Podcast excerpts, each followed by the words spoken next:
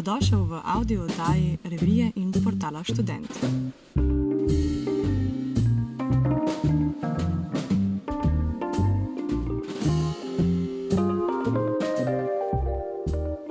Hej, a se še spomniš, kaj se je s toletnim papirjem dogajalo letos v marcu in aprilu? Ja, šlo je za pravo toaletno paniko. In to ne samo pri nas, ampak skoraj po celem svetu. Kako se je vse skupaj sploh začelo? In kakšno vezo ima toaletni papir s koronavirusom? Zakaj je do tega prišlo? Bitka za toaletni papir, ponekod celo dobesedna, se je sredi februarja začela v Hongkongu.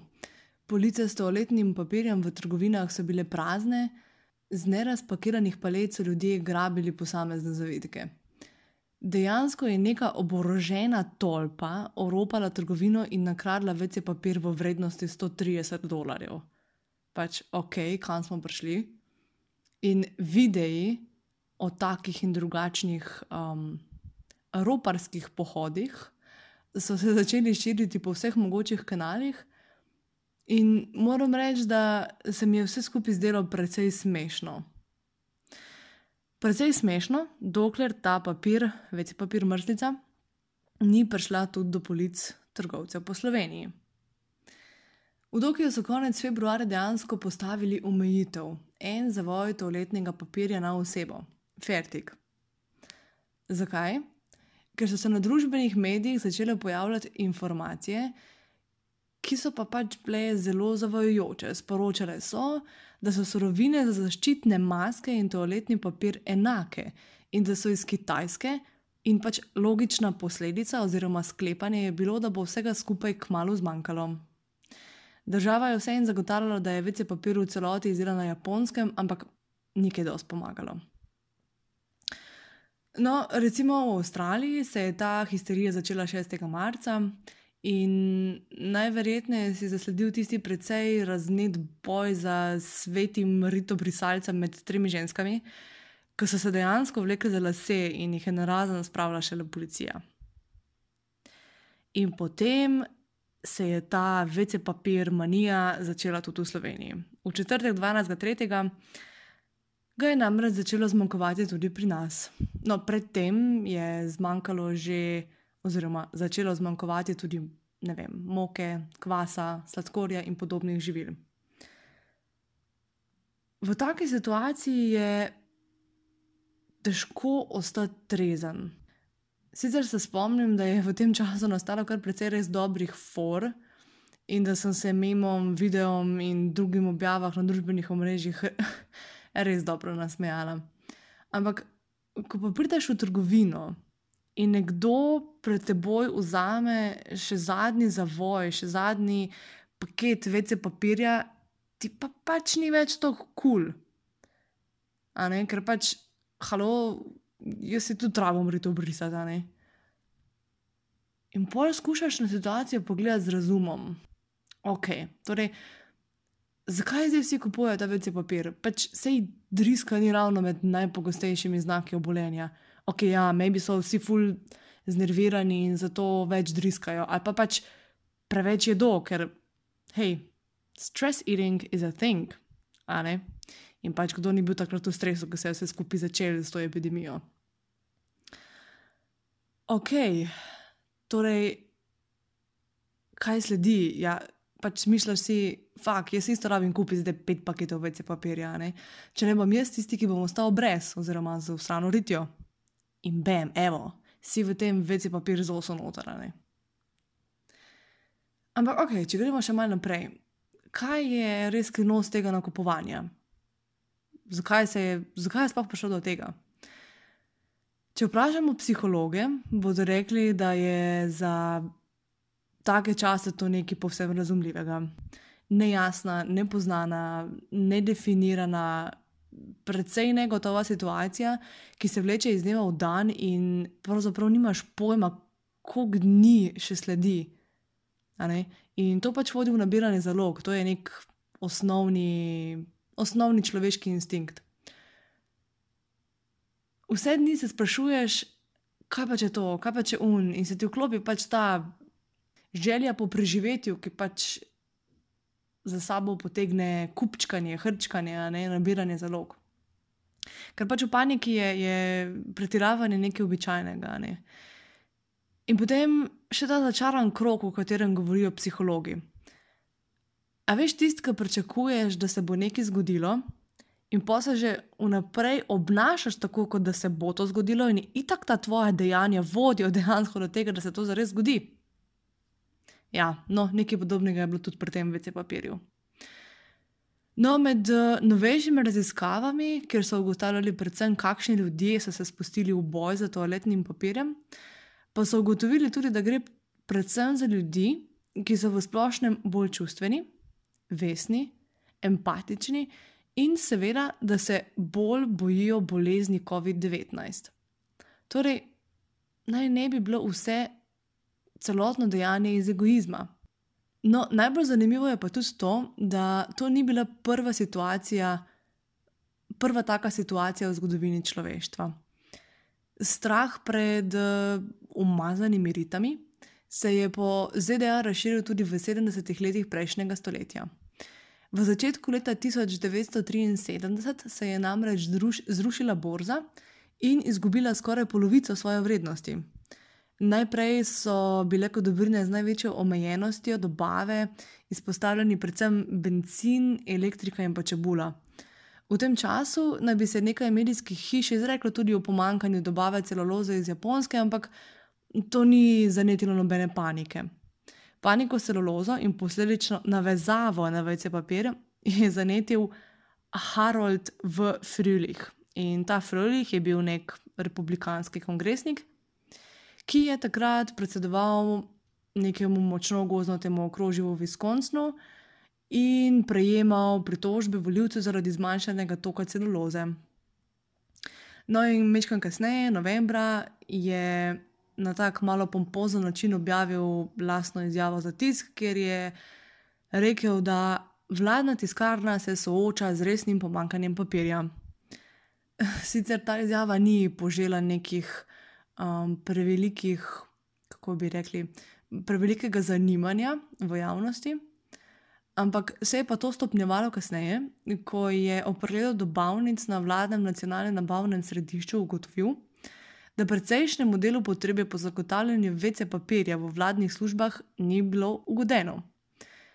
No, in takrat je podal še eno, bolj resno izjavo za medije in najavil, da se bodo ZDA v nekaj, v nekaj mesecih lahko soočile z resnim pomankanjem toaletnega papirja.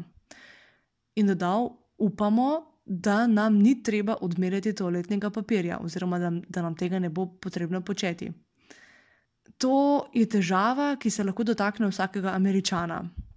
No, in seveda so mediji v nekaj dneh njegovo izjavo pritisnili v vsako novico in pogosto pozabili na besede, kot so lahko, morda, mogoče, ki so pač enostavno izginile iz teh izjav. Zavladala je taka panika, da se je nek krajši čas, vece papir, znašel celo na črnem trgu. Ja, ja, dejansko, tako kot so zdaj bili ti videi, da se lahko kupujejo dobrine z vece papirjem, z liski vece papirja, se je pač to tam zgodilo na način, da si mogel iti na ulico do enega preprodajalca in kupiti vece papir. No, po nekaj, po nekaj mesecih so se končno spametovali in dojeli, da je dejansko krize, da dejansko krize v dobavi vece papirja nikoli ni zares bilo. Okay. Torej, na eni strani imamo zdaj razlago z psihološkega vidika, ki sem ga omenila prej, ne, to grabljenje in um, hrčkanje v takih situacijah, ki se je zgodila marca, oziroma že mečkam prej. Ampak ponekod po svetu se je v času med februarjem in majem, kljub omejitvam vece papirja na osebo, izkazalo, da je bilo trgovcem še vedno težko zagotavljati enako zapolnjenost polic kot pred, kot pred karanteno. In tukaj dejansko obstaja razlog, ki nima čisto nič psi, s psihologijo, ima pa vse v povezavi z urejenostjo dobavnih verig. Na kratko, industrija toaletnega papirja je v splošnem razdeljena na dva večinoma ločena trga: komercialni in potrošniški. In pandemija je precejšnji delež povpraševanja preusmerila na potrošniškega. Med pandemijo smo dejansko morali kupiti več toaletnega papirja kot sicer, ker smo več časa preživeli doma. Torej, ne uporabljamo več sanitarij na svojem delovnem mestu, v šolah, v restauracijah, hotelih, drugih javnih ustanovah ali pa pač kjerkoli že druge izven doma. Ne? In potem se vprašaš, ok, sam lahko bi ta večji papir iz šol, restauracij, drugih javnih, javnih uh, stav premestili pač v trgovine, da bi bil na voljo potrošnikom. In zakaj to ne gre? Zato, ker gre dejansko za dve ločeni proizvodnji. Ne samo, da je papir za potrošniški trg in za komercialni drugačen, tudi velikosti so take, da s tem doma nimaš kaj početi. Ok, ja, če bi bila res full kriza, bi pač imel v kopalnici, vem, 20 kilski kolut papirja, ampak ni bilo za res take potrebe. Je pa res tudi to, da če bi se zgodilo tako pomankanje, ta pretok materijala iz komercialnega v potrošniškega ne bi bil tako hitro izvedljiv. Ker ti biznisi enostavno niso vzpostavljeni, ne, ne obstajajo poslovne pogodbe, poznanstva in tega se pač ne da narediti čez noč. No, in ko pomisliš malo dlje od vece papirja, recimo prej sem omenila moko, kvas, olje, sladkor. No, evo, vse je jasno. Predvsem na ozemlju ZDA je v času med februarjem in majem poraslo povpraševanje po bananah v trgovinah, medtem ko je nabava v šolah padla. Ampak iz šol niso mogli enostavno dati banan v trgovine, zato ker je trg drugačen. Recimo tam v šolah delijo manjše, enakomerno velike, posamezno rezane banane, medtem ko se v trgovinah prodajajo večje, drugačnih barv, najbrž tudi drugačna sorta, in pa v šopih. Nekje sem zasledila tudi zapis, da so nekateri gostinci po ZDA našli tudi, znašli tudi tako, da so svojo zalogo živil in pa vece papirja ob zaprtju gostinske dejavnosti enostavno prodali potrošnikom. In tako si lahko v svoji najljubši restauraciji prevzel paket z nekaj zelenjave, ki mi je pač ostala, ali pa mesa, ali pa česar koli že, in si zraven dobiš še kakšno rolico vece papirja.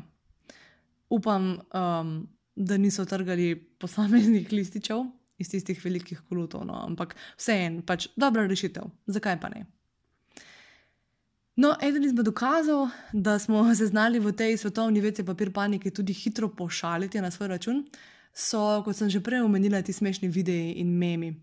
Nekaj sem jih zbrala in dodala v zapisu novice na tem podkastu. Tako da upam, da se tudi ti um, ponovno nasmejiš ali pa čisto novo nasmejiš na kakšno to foro. Kaj smo se še naučili iz te situacije? Mogoče, da je umivanje vseeno boljše kot brisanje. No, ja, dejansko je bolj eko, ampak kaj pa vem, ta navada v današnji zahodni družbi je pač um, precej, precej zakorenjena, da si pač brišemo riti in ne umivamo. Dvomim, da je večina svetovnega prebivalstva zdaj presedlala na spiranje oziroma umivanje na mesto brisanja. No, ampak nekaj ljudi pa je gotovo upeljalo novo navado, saj sta ustanovitelja podjetja Ritne šprice, ok, ne vem kako se temu reče uradno, pač um, umivalnika za Danko z imenom Happy Po. Ja, dejansko Happy Po na račun te krize letos zaslužila kar precej denarja. No, tako. Zdaj smo spet več doma, in če se slučajno zgodi še ena v narekovajih vece papir kriza, upam, da si med tistimi, ki vece papir pred brisanjem zlagajo po lističih in ne mečkajo. Namreč dokazano je, da na način z zlaganjem privrčuješ več papirja. In to ti omogoča več brisanja, kar pomeni, da boš v primeru pomankanja ostal dlje med tistimi z dobro obrisano ritjo. Imej se lepo, briši premišljeno in se slišimo zopet prihodnji petek.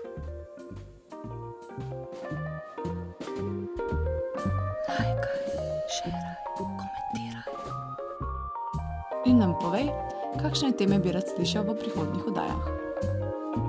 Ideje lahko najdeš v reviji Student in na spletnem portalu www.student.si.